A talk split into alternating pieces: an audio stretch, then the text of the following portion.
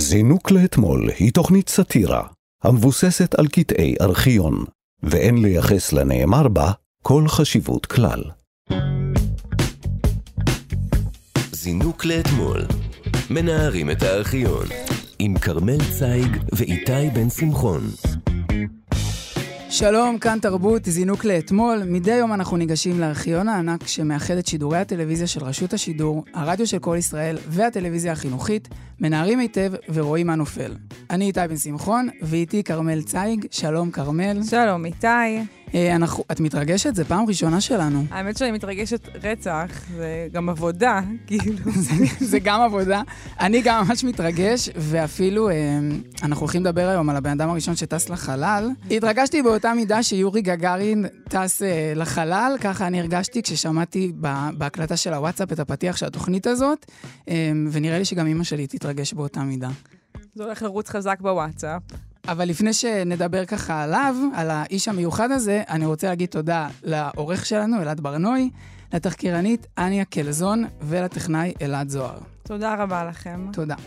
אפשר להאזין לנו מתי והיכן שאתם רוצים בהסכת שלנו, זינוק לאתמול, שזמין באפליקציה ובאתר כאן ובכל יישומוני ההסכתים, וגם באתר המעולה, כאן ארכיון. שם תוכלו גם לראות חלק מקטעי הוידאו שאנחנו משמיעים. אם אתם רוצים להגיב או לבקש קטעים שנשדר כאן, אפשר לכתוב לנו דרך הפייסבוק, זינוק לאתמול. בואו נתחיל. זינוק לאתמול, מנערים את הארכיון. כרמל, היית רוצה לטוס לחלל? כאילו, כמו כל דבר, הייתי אולי רוצה להיות בחלל, אבל לא חושבת שהייתי רוצה את כל ההליך הבירוקרטי שכרוך בזה. לא הייתי רוצה ללמוד בבית ספר לקוסמונאוטיה, ולא הייתי רוצה אה, להיות בחללית, נראה לי משעמם. הייתי רוצה להיות משוגרת, לראות כדור הארץ מהצד, להגיד כזה, יואו, אני בן אדם אחר, לא תבינו. לחזור. מדהים. אני ממליץ לך אז לעקוב אחרי העמוד של נאסא באינסטגרם, כי יש שם מלא תמונות של כדור הארץ מהצד. זה אז... בעצם כמו להיות אסטרונאוט. נכון. אין זה הבדל. רק, זה כל מה שהם עושים, שולחים לנו תמונות שיהיה לנאסא מה לשים באינסטגרם. אמ, אני שמעתי שהפחד הכי גדול בעולם זה מדיבור מול קהל. זאת אומרת, אנשים אה, ענו על סקרים ואמרו להם, מה יותר מפחיד אתכם, דיבור מול קהל או מוות, והם סימנו שיותר מפחיד אותם דיבור מול קהל. ומה שאת אומרת עכשיו גורם לי לחשוב שאם היו עושים את הסקר הזה עכשיו, זה היה בירוקרטיה. כי אנשים וואי, מתים, ממש. מתים מפחד מזה. לא, זה הדבר שהכי מפחיד אותי בעולם. טפסים. אז את לא צריכה, את לא, לא יודע, אולי כן תהיי קוסמונאוטית, אבל בינתיים את פה ואת לא צריכה נראה לי להתמודד. צריך להיות עוסק מורשה. עזבי, עזבי, עזבי. בואי נשאר בכדור הארץ. אני לא מבין את האובססיה שלנו כבני אדם לטוס לחלל ולשלוח לשם בני אדם, חיות, עציצים, זה נראה לי too much, וגם, אני זוכר שקראתי על כימאי בכיתה ט', ולמדתי שכל מה שאתה רוצה נמצא כבר כאן, ממש מתחת לאף שלך. אז למה צריך כאילו את כל הטיולים האלה ואת כל הבירוקרטיה? בואי נשאר פה ונהנה. מאוד צודק. אבל מה כן היית שולח לחלל אם היית שולח איזה כזה. קופסה עם, אה, עם אזכרות? יש לי uh, כמה אקסים שהם עדיין כאן, והייתי שולח אותם לשם בכיף. בכל מקרה, מי שכן רצה לטוס לחלל, הרבה לפני שהאמריקאים בכלל חלמו על זה, היה יורי אלכסביץ' גגארין. קוסמונאוט סובייטי בן 27 שהפך לאדם הראשון בהיסטוריה ששהה בחלל ושחג סביב כדור הארץ בשנת 1961. אגב, הוא נהרג שבע שנים מאוחר יותר בהתרסקות מטוס, אמ, אבל אנחנו לא ניכנס לזה היום. חבל מאוד. אבל תגיד, אה, אם הייתי אומרת לך את השם יורי גגארין, היית יודע מה זה, חוץ משם שכנראה בר בעיר תחתית של חיפה? אה, לא הכרתי אותו. את הכרת אותו? כקונספט. כקונספט? יותר הכרתי את לייקה הכלבה הראשונה בחלל, האמת. האמת שזה, לייקה הכלבה הראשונה בחלל, זה הרבה יותר מרגיש גם כמו משהו שהיית הולכת לראות, נגיד, בקולנוע. כאילו, באמת, או לשים פוסטר שלה, או כזה לרצות, או לקרוא לכל הכלבים שלך בילדות לייקה. תראי, זה שלייקה, הכלבה הראשונה לח... שטסה לחלל, בסוף איבדה את חייה במשימה. היא חלל. היא חלל כרגע.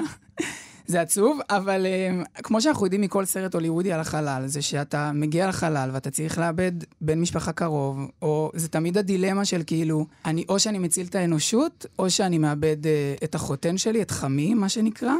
ואני לא יודע אם אני מוכן לדילמה הזאת. כאילו, אני... לייקה כנראה הייתה מוכנה, אבל אני לא. לייקה באמת הייתה עשויה מהחומר שממנו מוקרצים גיבורים, אמ, וחשוב לכבד את הזכר שלה.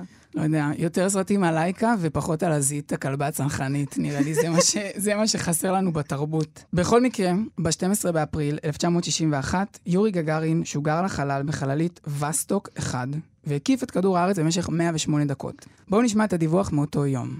ב-12 בחודש, בשעה 0907 לפי שעון מוסקבה, הגיעה ספינת קוסמוס מאוישת אל החלל, ואחרי שהקיפה את כדור הארץ, חזרה בהצלחה אל האדמה הקדושה של מולדתנו, בארץ הסובייטים. האדם הראשון שהגיע לחלל הוא סובייטי, אזרח ברית המועצות. כל הכבוד לו, אהבתי את החלק עם האדמה הקדושה של מולדותינו. ש... אבל שלא לא בארץ, כאילו שכל כדור הארץ הוא האדמה אה, אני הקדושה. חשבתי אדמת, אה, אדמת רוסיה הקדושה. אה, כאילו שמדווחים משם. בעצם מי שמקריין לנו הוא משם? נראה לי שזה תרגום. אוקיי, זה תרגום. אז אמרו לי את זה בעברית כדי שאני אבין מה שמעתי. הבנתי מה קרה פה, כן. אוקיי. אמ, לך תדע כמה דברים פספסו בתרגום. מלא דברים, אני בטוח, כמו השם שלו נגיד, או, זה, או התפקיד שלו, אבל uh, אני חושב שזה לא מפתיע אותי שאמרו אדמה קדושה, כמובן ממה שאנחנו יודעים, אבל גם אני יודע שכשהוא היה שם, הדבר הראשון שהוא עשה היה לשיר שיר um, על זה שאימא רוסיה יודעת איפה הבן שלה עכשיו טס, שזה איזשהו שיר מה, מההמנון או שיר של הצבא. Um, וזה מה שהוא שר ש... כשהוא הגיע לחלל, ואני כזה אומר, אתה לבד, אף אחד לא שומע, כזה, תשאיר את, uh, לא יודע, את uh, total eclipse of the heart, כאילו, תצעק, תגיד משהו מטורף, אבל יורי היה נאמן. אז אה, בואו נשמע קצת אה, מגגארין עצמו, מדווח מהחלל, הוא היה שם בחלל, הוא פטפט, דיבר, אה, שלח הודעות בוואטסאפ, הכל מתועד. החבר גגארין דיווח לאדמה איך הוא מרגיש את עצמו, איך מתנהלת הטיסה. ברגעי הקשר הקצרים מסר הקוסמונאוט הסובייטי Наблюдаю Землю. Видимость хорошая. Слышу вас отлично. אני מסתכל על האדמה. הרעות טובה. שומע אתכם מצוין.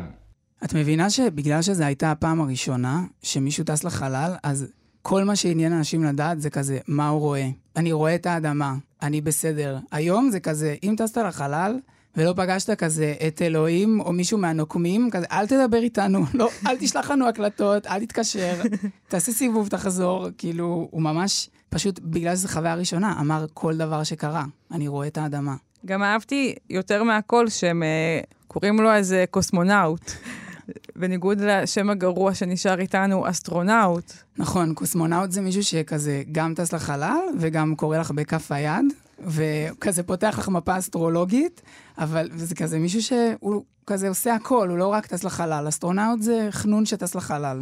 זה ממש הדבר הכי גרוע שקרה לעולם אה, מאז נפילת ברית המועצות, שאמריקאים ניצחו והתחילו להשתמש במילה אסטרונאוט. זה וזה שלא מלמדים את דוסטויבסקי לבגרות, לא יודעת. היה יכול להיות עולם אחר. ואגב, אני עשיתי אה, בדיקה בנושא, והסתבר שיש, אה, היו עוד אפשרויות למילים, במקום אסטרונאוט וקוסמונאוט. מה למשל? אם הסינים היו מנצחים במלחמה הזאת, היו קוראים לזה טייקונאוט. אוקיי. ואם הצרפתים היו מנ- מנצחים, היו קוראים לזה ספסיונאוט, ספסיונאוט. שזה נשמע יותר רוסי אפילו. נכון, אבל נראה לי את במבטא הלא נכון. כן. כי במבטא הצרפתי זה היה נשמע כזה, ספסיונה. משהו כזה מחרמן. כן. אבל אה, וואו, אני, האמת שאני, אני שם, כאילו אסטרונאוט עדיין זה האופציה הגרועה ביותר בעיניי, וקוסמונאוט זה פשוט, מקס, זה מהמם. כאילו, תחשבי, הבית ספר לקוסמונאוטיה זה כזה הוגוורטס, זה ממש דומה, וקוסמונאוט זה כאילו מין מכשף מהמם כזה, ו... אך, אם כאילו אמריקאים לא היו משתלטים על הנרטיב, באיזה עולם היינו חיים. עולם יפהפה בוודאות. אז בואי נשמע עוד קצת ממנו. Полет продолжается хорошо. Видеть можно все. Некоторое пространство покрыто кучевой облачностью. הטיסה נמשכת יפה. אפשר לראות הכל. כמה שטחים מכוסים עננים. שוב, הוא ממשיך לתת לנו מידע שכיום הוא לא מרגש, אז זה כאילו היה רגע היסטורי, אז אנשים ממש התרגשו. אני כאילו, ברור שרואים, מה עוד יראו מהחלל? כאילו, מה, מה הוא ציפה? אני אוהבת שכדור הארץ וכל האנשים בו הפכו להיות אדמה. כאילו, כולנו עכשיו זהו, יש אותו, הוא איש חלל בעולם הגדול, הוא, הוא גם השמיים, הוא האוויר, הוא המים, אנחנו רק אדמה עכשיו. יש וואו. זן חדש של אנושות. אני נעלבתי בלי שבכלל הייתי שם, ובלי שהיו לי אי פעם שאיפות לא להיות באדמה. זה העליב אותי. יורי מרגיש בעצם את מה שאלוהים מרגיש. אותי זה קצת מפתיע שהוא רק, כאילו, בכל ההודעות וואטסאפ האלה שהוא שולח, הוא רק כזה שולח עדכונים פשוטים של מה הוא רואה. כאילו, וזה זה מבהיר לי למה, נגיד, אני לא יכול להיות קוסמונאוט, כי תארי לעצמך שכזה טס לחלל, את לבד. עזבי שאת כבר בהתקף חרדה, שכזה, אני לא יכולה לצאת מפה, מה אם כזה יקרה משהו, איפה הדלת, כזה, מתי הדלת מגיעה, שלא תעיר אותי, כאילו דברים כאלה. גם כשאני שולחת הודעת וואטסאפ, כאילו, איך הוא שומר על קור רוח ואומר, אני רואה אדמה, אני רואה עננים, ולא כזה... האכלתם את החתולים שלי, בריטני העלתה עוד פוסט לאינסטגרם, כאילו כזה, תנו לי מידע, תנו לי, זה ממש חוויה מפחידה, כאילו, להיות שם לבד. מעניין אבל כאילו, איזה הודעות הבת זוג שלו קיבלה, איזה הודעות האקסיט שלו קיבלה, רואה? איזה הודעות? הם עכשיו, כאילו, האקסיות שלו עכשיו עושות עליו שחור, שהחללית הזאת תתרסק. השחור הזה עבד רק שבע שנים אחר כך, כשהמטוס שלו התרסק, אבל uh, הוא... לשחור אין זמן, אבל זה לא נכון. עניין טמפורלי. זה השקעה לטווח ארוך. כן. טוב, נראה לי יש עוד כמה דיווחים. הוא היה... הוא היה משועמם שם. היה משועמם. מזל שלא היה לו טיק טוק.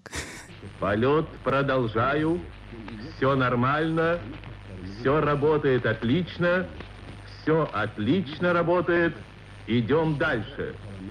Самочувствие хорошее, Настроение бодрое, продолжаю полет. Все идет хорошо, машина работает נורמלנה. ממשיך את טיסתי. הכל כתקנו, הכל פועל מצוין. אנחנו מתקדמים. ההרגשה העצמית טובה, מצב הרוח מרומם, הכל פועל יפה, המכונה פועלת כסדרה. טוב, עכשיו זה הרבה יותר ברור, הוא בהתקף חרדה. כל מה שהוא אומר שם זה כזה, הכל טוב, הרעות מדהימה, אני מרגיש טוב, ככה אמור להרגיש מי שבחלל, מרגיש מדהים, כמו שאני אמור להרגיש. מדהים וטוב ותודה, והכל עובד. הוא מדבר לעצמו, הוא מרגיע את עצמו. כן, הוא מת מפאניקה שם. במקרה זה גם מגיע אלינו, ואנחנו כזה כולם מתלהבים מזה שהוא בחלל, והוא פשוט בדפיקות לב. אבל כמובן שהייתה שמחה גדולה ברחבי מוסקבה ובכללי ברוסיה, אה, ובואי נשמע איך אנשים הרגישו ככה מכדור הארץ, מהשטח אדמה הזה. מהאדמה. שמחה בברית המועצות עברה על גדותיה. המונים יצאו לקבל את פני גגארין בערים בהן עבר בדרכו למוסקבה. הרים, נהרות, רחובות, ילדים נקראו על שמו, ומיליונים מתושבי מוסקבה הריעו לו בהגיעו לבירה במצעד ניצחון. יש לי שאלה, להיות אסטרונאוט, הרי הוא לא זה שהפעיל את המחשבים, הוא לא בנה את החללית. באמת למה, כאילו, זה כמו לתת, אה, לא יודעת, לקרוא לרחוב על שם נהג אוטובוס של אה, קו חמש. הוא עושה עבודה טובה, אבל הוא רק נהג את זה. טוב, תשמחי לשמוע שיש גם כמובן זווית ישראלית לסיפור. טוב הנה, שכך. כמובן. הנה ישראלי שמדווח מרחובות מוסקבה. ישראלי שהיה עד ראייה לשמחה, תיאר אותה באוזנינו בשיחה טלפונית. איך הן התגובות במוסקבה שהיית עד להן? מה נשמע ברחוב? שמחה גדולה ברחובות שרים. הלו? כן? ברחובות מתחלפים תהלוכות עם, אה, עם אה, דגלים, שרים, מוזיקה ברדיו כל היום, ושמחה גדולה. איזה... למה הם צועקים? כאילו, למה הם צועקים? שהוא ישמע אותה מהחלל. כשיורי ישמע אותה. זה גם מדהים שהשיחה נקטעת, וזה מחזיר אותי לתהייה שאני תמיד תוהה, למה, כאילו, הצלחנו כבר להטיס אנשים לחלל, אבל הקווי טלפון לא עובדים. כאילו, אתם, הבן אדם הרגע חזר מהחלל, והשיחת טלפון קווית, אנחנו לא מדברים פה על שיחת וואטסאפ, על זום, על סקייפ, שיחת טלפון קווית מקוטעת. למה? תמיד חושבים על מה שרחוק ולא על, עלינו אנשי האדמה. טוב, אז בתוך כל זה, כאילו, באמת יורי היה אמנם האדם הראשון אה, בחלל, אבל לפני זה היו אה, חברים חמודים וטובים, ואני מצטערת שאני נשמעת כמו הבומר בתואר ראשון, שבסוף הרצאה על מלחמת העולם הראשונה אמר, אבל מה עם הסוסים? לא דיברת על הסוסים, מתו מיליון סוסים במלחמה. אבל בכל זאת, אה, חשוב לי לתת אה, את הכבוד גם לעציצים, החולדות והכלבים שהיו בחלל, ו... ויש קטע שאפילו מדבר על זה. טיסתו של גגארין הייתה חידוש מהפכני, אם כי צפוי מראש. קדמו לו לייקה זיכרונה לברכה, וסטרלקה ובלקה, צ'רנושקה וזיוזדצ'קה ייבדלו לחיים ארוכים. אה, כולם היו רוסים. כן. גם החיות. כן, זה עצוב, מה אני אגיד? לא יודע, אם כאילו את יורי לא זוכרים, אז ברור שלא נזכור את החיות, לא? כן, כאילו, ברור, וגם... וגם, אני באמת חושבת שאם באמת הפסגה האנושית של אדם יכול להגיע אליה, זה להיות בחלל, קל וחומר אם אתה חיה. כן, זה שאתה לא מודע למה שאתה משמש בעולם, לטווח הרחוק, לא אומר שאתה לא צריך להיות אסיר תודה שקיבלת את ההזדמנות בכלל לעשות משהו בעל משמעות. רגע, את מפנה פה אצבע מאשימה לחיות, שאני רק אבין, כאילו, את מפנה אצבע מאשימה לחיות שלא הודו לנו, ששלחנו אותם לחלל. אני מרגישה שגם החיות אה, כלואות קצת בעמדת קורבן. שהן לא מבינות את הפריבילגיה הגדולה, כן, מאשימה. טוב, בסופו של דבר זה הכל הסללה, לדעתי, וגם בעולם החיות וגם בני אדם. טוב, בכל מקרה, אז הוא נהרג אה, בשנת 1968, אבל למרות זאת, אה, אפילו אחרי מותו לא הפסיקו לרחל עליו, שזה מעיד על זה שבאמת הצלחת בחיים. אה, אז בואו נשמע קטע מכתבה עליו, על בייקונור, העיר שממנה הוא שוגר ב-1961, שבשנת 2004 עדיין היו בה סממנים סובייטים. עולות כאן טענות כאלה ואחרות אה, לגבי מה הוא בדיוק עשה שם בחללית הזאת, חוץ מלשלוח אה, וואטסאפים. פסל של אה, לנין. אה, ניצב כאן בכיכר המרכזית של העיר. עדיין לא- ניצב. אותו לא הורידו. לא טרחו להפיל אותו כמו שלא טרחו להפיל את יורי גגארין, גם כשגילו שיורי גגארין בעצם, למעשה האגדה הזאת נופצה, התברר שיורי גגארין גם היה שתיין. אה, אה, מנפצים שם את כל האגדות הגדולות. שתה וודקה בחללית? שתה וודקה בחללית ואחרי זה אולי. וואו. מה זה? זה כאילו גיא פינס של, של עולם הקוסמונאוטיה. מה אכפת לו שהוא שתה וודקה בחללית? מה תעשה ב fucking חללית? מה אכפת לו? גם כאילו, אנחנו שמענו את ההקלטות, אנחנו יודעים באיזה מצב נפשי יורי גגארין היה. אפילו שהוא אומר שהכל היה בסדר, ברור שהוא ישתה וודקה, מה הוא יעשה שם? אהבתי שאת הדרמטיות, את הפאתוס, כולנו יודעים שהגיבור הזה הוא לא כזה גיבור. האגדה נופצה. כן. אפשר לחשוב. זה... כנראה זה בגלל זה אנחנו לא שמענו על השם, עשו לו cancel culture, על זה שהוא היה שתיין ואלכוהוליסט. ואהב את הטיפה המרה. די, על וודקה בחללית לשבור פסל? כאילו, לאן הגענו? הפוליטיקלי קורקט איבד את זה. אני חושב שמה שכן עכשיו זה, אני נזכר שהייתה פעם פרסומת uh, לחלב עמיד של תנובה, בחלל. זו הייתה פרסומת כזה חדשנית, יקרה, כזה משנות ה-90. הטיסו במקום כזה שנוציא כזה אסטרונאוטים בשנות ה-90, הוצאנו קרטון חלב עמיד לחלל בשביל לפרסם את זה, ורואים שם אה, אסטרונאוט שכזה פותח את החלב עמיד, וכאילו כל הפואנטה הייתה שכזה הוא כל כך עמיד שהוא גם מגיע לחלל. כאילו לא, כי כנראה התודעה לא הייתה, לא ידענו שכזה גם מציצים הגיעו לחלל והכל היה סבבה, וזה היה הדבר הכי מגרה בעולם. כי הוא, הוא כזה פתח את הקרטון והטיפות פשוט עפו באוויר, וראית איך הן נכנסות לו לפה ומתמוססות שם. אז כאילו, תחשבי מה זה לשתות וודקה, כזה, ככה, באותה צורה, שפשוט מתמוססת לך. וואי, הוא ואן גוך אספרסו. הוא שחה דרך הטיפות כזה. דווקא מה שאמרת על החלב גרם לי לחשוב שכאילו... יש משהו בחלב שאתה לא רוצה שהוא יהיה עמיד מדי. כאילו, זה הופך אותו אוטומטית למגעיל יותר. חלק מחלב זה גם הזמניות שלו, ואם זה שרד את החלל, איזה, מה שמים שם? אני לא רוצה לדעת. אם לייקה לא שרדה את החלל, למה חלב שלי צריך לשרוד את החלל?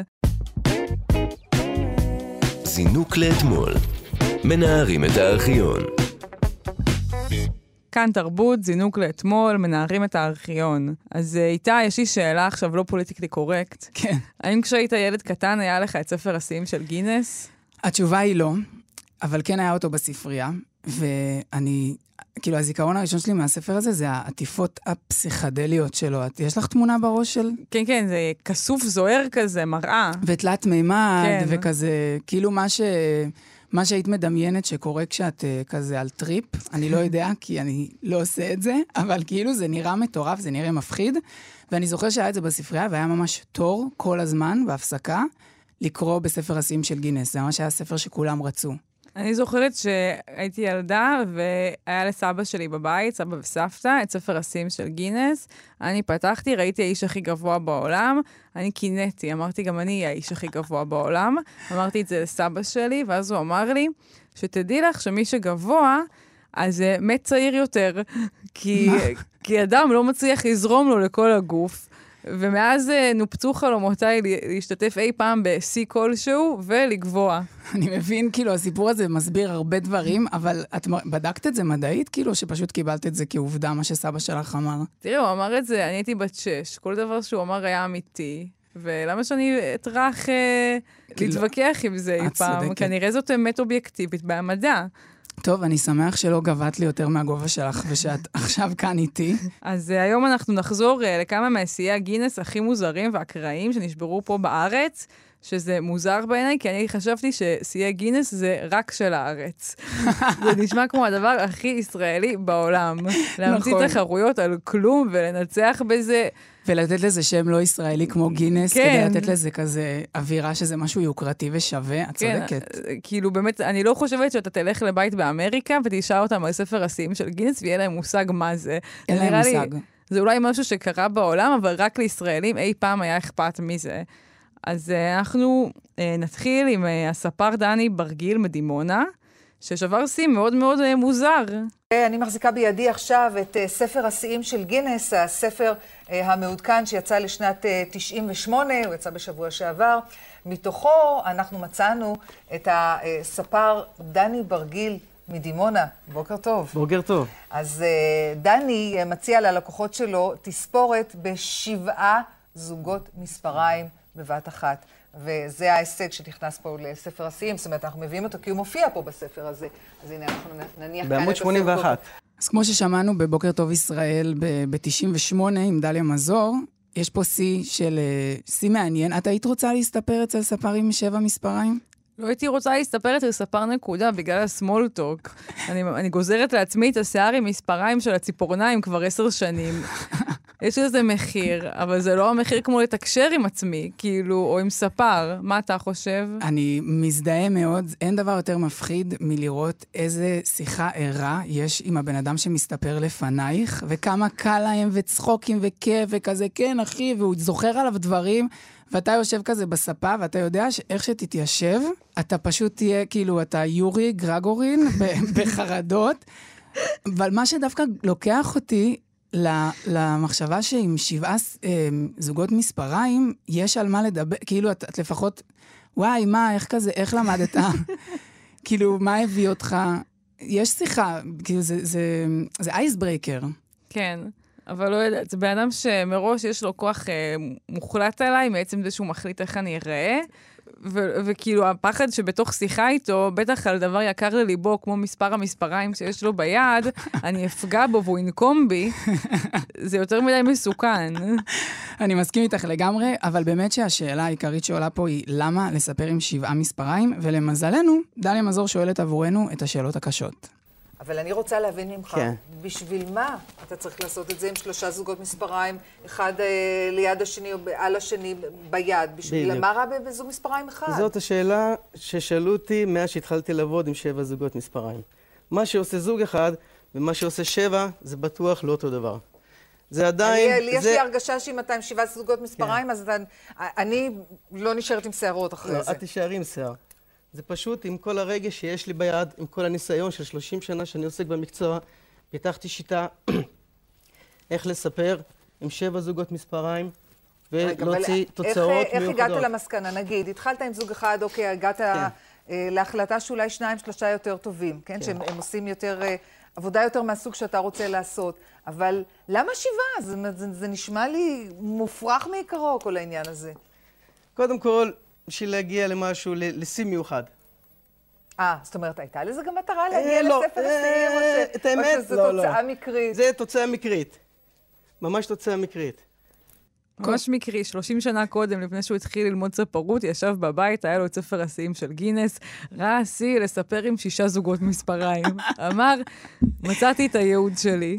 אני קראתי פעם ספר על איזה שפת גוף באיזה חדר המתנה, ואמרו שם שכשאתה משתעל לפני משהו, זה, זה סימן לשקר. והיה שם איזה שיעול קטן, פיתחתי שיטה. יש פה כמה, כמה תהיות, הוא גם אומר לה, רציתי לשבור שיא, ואז היא אומרת לו, אה, זאת הייתה המטרה? לא. אבל אה, כן, כאילו, יש לי שאלה לאורחים של ספר השיאים של גינס. אתם רוצים להביא פה שיא על ספר. תנו לי שיא על הספר ששכנע הכי הרבה בנות לא לעשות פוני. בזמן משבר. תנו לי שיא רלוונטי לספר. כאילו, למה כמות המספריים היא המדד לכאילו לשיא? למה לא נגיד הספר ש- שאת יוצאת ממנו ואת לא בוכה, נגיד? כאילו, דברים שכזה, באמת אתה מצפה מהספר שלך לגרום לך להרגיש. כי זה כאילו ספר השיאים של גינס, וסליחה על ההכללה, אבל זה ספר השיאים של הבנים, ו... ומספריים זה כלי, וכמה שיותר כלים, וזה אחד, ויש לי את זה בידיים, ואני עושה גאדג'טים. כאילו, זה מאוד זה, אני חושבת. אני חושב שאת צודקת, וגם עוד כמה שיאים שיהיו פה יוכיחו את מה שאת אומרת. אבל uh, אמרת לי שיאים מוזרים, והשיאים בינתיים לא כאלה מוזרים.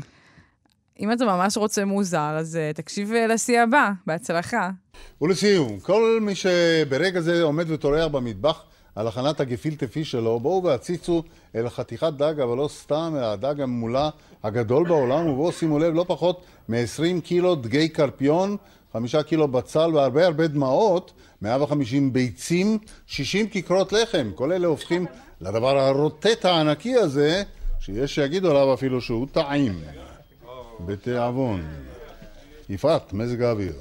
אגב, אני ממש לא אוהבת, לא נראה לי טעים בכלל, לא מגרה בכלל, מאוד בכלל, מאוד בכלל. טעים. אתם... האתם הזה. וואי, וואי, האתם הזה שנקטע, שמאשים בעצם מגזר שלם בהתנגדות, ומשתיק את קולו של מגזר שלם שאומר, זה מגעיל אותי. הוא פשוט מבטל אותה. אני פשוט בהלם שהיה קטגוריה בספר השיאים של גינס, של גפילטה פיש, שהיה צריך לשבור את זה. יש שם הכל, באמת שיש שם כבר הכל, וניתן גם לשמוע את הקטע הזה בקטגוריה חדשה בפורנהאב, של אה, חיים יבין מתחרמן מאוכל של אשכנזים. כאילו, את שמעת כמה הוא מתאר את המאכל הזה? קורא לו שם משהו מהדבר הרוטט הזה, מה... כאילו... אני, אני כאילו גם לא אוהב גפילטה ויותר הזדהיתי עם חיים. כאילו, הצלחתי להרגיש את מה שהוא הרגיש. מה יש להגיד על גפילטה פיש? זה לא קבר אחים של דגים, גפילטה פיש ענקים מ-20 קילו, כאילו, אני חושבת על הפרוצדורה, זה לטחון כל כך הרבה דגים, לעשות להם כזה מישמש ביחד, זה סדיסטי, אם כבר, אם כבר אמרנו מה, מה יכול להיות מבעלי חיים, יש בעלי חיים ששלחו אותם למות בחלל, ויש בעלי חיים ששלחו אותם להיות הגפילטה הכי גדול בספר שיאי גינס. ומי נכנס בסוף? מי, יר- מי זכור לך? הגפילטה הכי גדול או הכלבים שמתו בחלל? אני כנראה אזכור את הגפילטה ואת חיים יבין בהקשר הזה עד סוף חיי. אבל עם כל הכבוד לגפילטה פיש, מה דעתך על שיא גינס בריקודי עם עם שיר של גלי עטרי ברקע? אני רוצה לספר לכם שקודם כל, ממש ביום שישי האחרון נשבר שיא אה, גינס פה בישראל, ממש בנמל תל אביב. התאספו 9,000 נשים אה, ורקדו אה, בנמל לשיר של גלי עטרי, מה שאת אוהבת. רקדו את הריקוד ההמוני הגדול בעולם. כולן היו פה לבושות לבן, מדובר פה באמת בגאווה נש- נשית. גאווה ישראלית. גאווה ישראלית, נשית. תנועות לא קלות, ייאמר לזכותם שגם היה חם, והם הצליחו באמת לעשות את זה בכבוד רב. אם אתם שומעים צעקות ברקע של ימינה, שמאלה, סיכול חילוף, זה אונה הולברוק. רגע, והם עשו לזה חזרות? עשו חזרות בהחלט, הייתה את הקוריאוגרפית אונה הולברוק שישבה והכינה את כל הצעדים מראש. גם שרת החינוך לימור לבנת הייתה שם ואמרה שהיא מתכוונת לעשות עוד אירועים כאלה בעתיד בכל מיני מקומות בארץ. נהדר. שתדעו, תוכלו להתחיל עם המתיחות שלכם. אני בעד שנעשה ריקוד המוני שלושתנו. איך בתל בלן מ-2010 מנסה להזרים בסוף? ריקוד המוני של שלושה אנשים. מה זה? אינסטינקט בסיסי יצא פה. וואו. היית משתתפת בריקוד הזה? לבושה בלבן למרות החום והתנועות הקשות? לא הייתי משתתפת בריקוד. הרבה לפני ההגבלות ששמים עליי, שזה בחום המוני ובלבן. אני רק רוצה לספר לך שסצנת ריקודי העם בישראל זה דבר שהוא הוא מתחת לרדאר, ומישהו צריך להרים את הכפפה, יש לי דודה שעושה את זה, ומדובר בעולם של פוליטיקות, של דקירות בגב, של תככים ומזימות. אני לא יודע מה אונה אולברוק, הכוריאוגרפית של הריקוד הזה, את מי היא דחפה עם המרפקים כדי להגיע לתפקיד הזה, להיכנס לספר שיאי הגינס, אבל ממש מדובר בכאילו... אנשים שממציאים ריקוד, ומותר לרקוד רק אותו. כאילו, מי שהמציא את הריקוד של נגיד רסיסים, של רביב כנר, היה אפשר לרקוד רק את הריקוד הזה, ושנה שעברה זה זכה בתור הריקוד של ריקודי העם. הכי מצליח, למה אני יודע את זה? כי דודה שלי מעדכנת אותי ושולחת לי סרטוני וואטסאפ של אנשים רוקדים את השיר הזה, וזה לדעתי צריך להיות ריאליטי, כוריאוגרפים אמ, של אה, ריקודי עם, ואונה אולברוק צריכה להיות שופטת מפאת כבודה. יש לי שאלה טכנית. כן. ריקודי עם. כן. באיזה עם מדובר? זה כאילו כל עם יכול להיות, או שזה עם ספציפי? כאילו, כשאומרים שיאי גינס בריקודי עם, אז זה כאילו...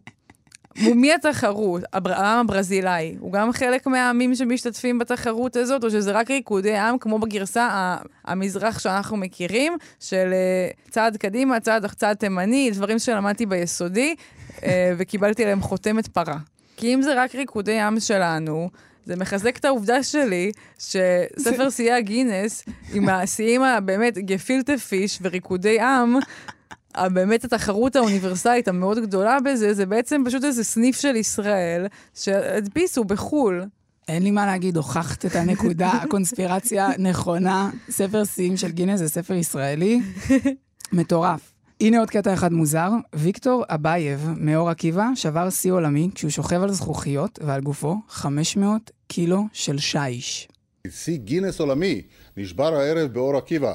לעיני עשרות מתושבי העיר נשכב ויקטור אבייב כשחציו ערום על מצע של זכוכיות שבורות. אחר כך הונחו על גופו בזה אחר זה חמישה לוחות שיש שמשקלם הכולל 505 קילוגרמים. לעיני מפקחים מטעם חברת גינס העולמית נופצה כל ערימת השיש הענקית הזאת על גופו של אבייב שלא נראה סובל במיוחד, אף ששכב על ערימת זכוכיות שבורות. כתבנו איתי רפפורט מספר כי בכך שבר ויקטור את שיא גינס הקודם, שעמד על 380 קילוגרם בלבד של שיש, שנשברו עד כה על גופו של אדם. עוד מוסר כתבנו כי אבייב בעצמו מכשיר גם את ילדיו לשבור שיאים דומים. על מה הילדים של ויקטור מדברים בטיפול היום? אם הם בכלל עדיין יכולים לדבר. נראה לי שכולנו יודעים לענות על השאלה הזאת. אנחנו רואים שחיים יבין ממבט ב-2002 פחות מתרגש מהידיעה הזאת, הוא ככה, הטון שלו קצת יותר קר, הוא פחות uh, נרגש ממה שהוא מתאר. אפילו שוויקטור שכב שם בעירום חלקי, ש... אבל כנראה שחיים בשבילו זה פחות. הוא מסור רק על גפילטה פיש. יש לו נאמנות. אני אוהבת שגם מתואר שם ששוברים עליו את כל השיש הזה, והוא הוא נראה לא סובל, זה ישר לקח אותי למדיטציה של גגרין, שאני עכשיו התחלתי למכור אותה בספוטיפיי בזמן שדיברנו. Uh, הכל בסדר, הכל נהדר, אני מרגיש מעולה. וכנראה הוא שמע את זה בלופים תוך כדי את ההקלטה הזאת. וואו, זה, אני רוצה, אני קונה את זה ממך, אני רוצה להתחיל את הבוקר שלי עם הקול המרגיע של יורי בראש. וגם השאלה היא, למה, כאילו, השיא לא מספיק שיש עליך 500 קילו של שיש, למה צריך לשבור את זה עליו? זה שיא נפרד. אני חושב שזה מוכיח את התיאוריה שלך, שזה ספר של בנים ושל ישראלים, שכאילו, שהם כזה יוצאים לדייט והם רוצים להרשים, והם כזה, כן, היה עליי 500 קילו של שיש, וכאילו, את לא מספיק מורשמת, אז גם שברו עליי את זה. וגם אני מגדל את הילדים שלי לעתיד הזה, שתדעי שכזה זה אבא חזק ושידאג למשפחה שלך. אני גם לקחתי את זה לעולם הדייטים, כי כאילו חשבתי על זה שבדור שלנו, לצאת לדייטים זה כבר סיוט, כי את צריכה לשמוע על אנשים שהיו בדרום אמריקה, והטיולים שלהם, והחבר'ה שהם עשו לכל החיים, שלא נדבר על הסמים וה, והטריפים שלהם, שזה כבר אסון. תאר לך, אתה יוצא לדייט, וכל מה שאתה שומע עליו זה ספר שיאי הגינס. והשיאים שהוא שבר, והוא מתכנן לשבור, וכדור הגומיות הכי גדול בעולם, שהוא מקפיץ בבית, כאילו, איזה סיוט, כמה לזייף עניין. רגע, זה כבר קשה. אני בעד אבל לצ- לצאת לדייט עם, אה, מספר השיאים של גינס. באמת, עם כל הקוריוזים האלה? אבל מה את מעדיפה, לשמוע על דרום אמריקה? ברור שאני מעדיף לשמוע על, כאילו, על אה, כמה דיסקים בריטני מכרה עד גיל, אה, עד גיל 22. לא, אני מדברת איתך על אנשים שהם שיאנים של גינס. כאילו, הם מרגיש לי. שהעשור הזה, היה תקופה כזאת שבה כולם... מקהילת הבנים החליטו שהאופי שלהם הוא, הוא מבוסס ומוטמע בספר שיאי הגינס. ואז באמת, זה, או שמדברים על זה, או שהם מול שיא כלשהו. וגם, באמת, אין מה להגיד, זה לשים אותם ליד אנשים שטסו, הבן אדם הראשון שטס לחלל. באמת מראה לך שהמוטיבציה האנושית אין לה סוף. אה, אני רוצה לשלוח אה, אהבה ותנחומים ל- לכל החיות שטסו לחלל ולילדים של ויקטור אבייב, אה, ולהמשיך לקטע האחרון לסיום. ניסיון כושל מ-2009 לשבור את שיא הגינס לסנדוויץ' הארוך בעולם, שלא הצליח בגלל שאנשים התחילו לאכול אותו תוך כדי הרכבה. זהו הגיבור הכובש את יצרו אמרו חז"לינו, אבל גיבורים לא היו כאן היום. הרבה לפני שהסנדוויץ' הארוך ביותר הושלם, החבר'ה פשוט התחילו לטרוף. אתה חושב שלאנשים יש סבלנות? לאנשים אין סבלנות. רואים נקניק, אוכלים.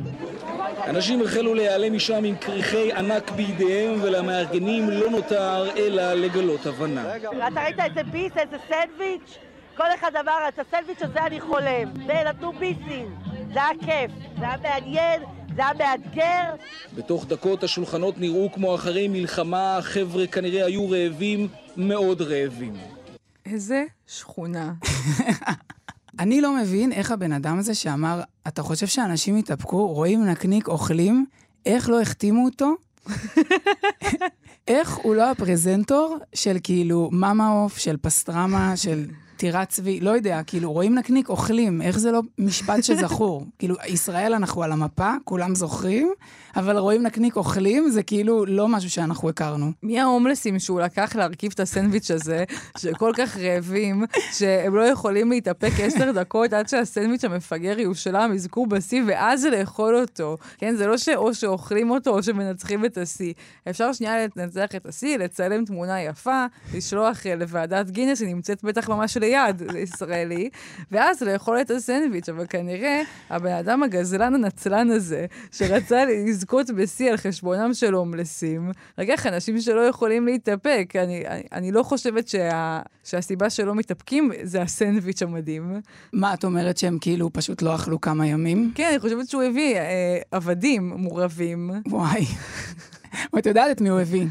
את הילדים של ויקטור אבייב, כנראה. מסכנים. מרבונים. אה, אני ממש אוהב את האנרגיה של האישה שמתארת שם את הסנדוויץ'. וואו, וואו, וואו, עכשיו אני רוצה, אם אותו צריך להחתים את מי שאמר רואים נקניק אוכלים, אותה צריך להחתים כאילו לקמפיין של ארומה או משהו, כזה היה סנדוויץ' טעים, כאילו, איך היא נהנית? היה מאתגר. היה מאתגר. איך היא נהנית? בא לי, כאילו, אני לא יודע איזה סנדוויץ' זה היה, אבל בא לי לאכול אותו. גם אהבתי, שוב, אה, שיש שדרן מאוד מאוד דרמטי. גיבורים לא היו כאן. וואי, איך.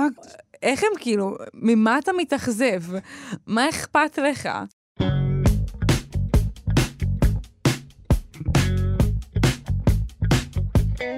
עד כאן זינוק לאתמול, להיום. תודה לצוות שלנו, תודה לעורך אלעד ברנוי, לתחקירנית אניה קלזון ולטכנאי אלעד זוהר. תודה רבה, ואפשר להאזין לנו מתי והיכן שאתם רוצים בהסכת שלנו זינוק לאתמול, שזמין באפליקציה ובאתר כאן ובכל יישומוני ההסכתים, וגם באתר המעולה, כאן ארכיון.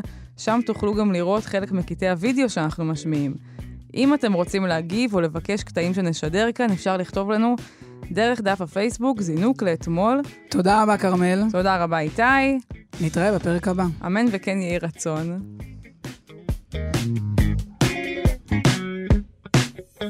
זינוק לאתמול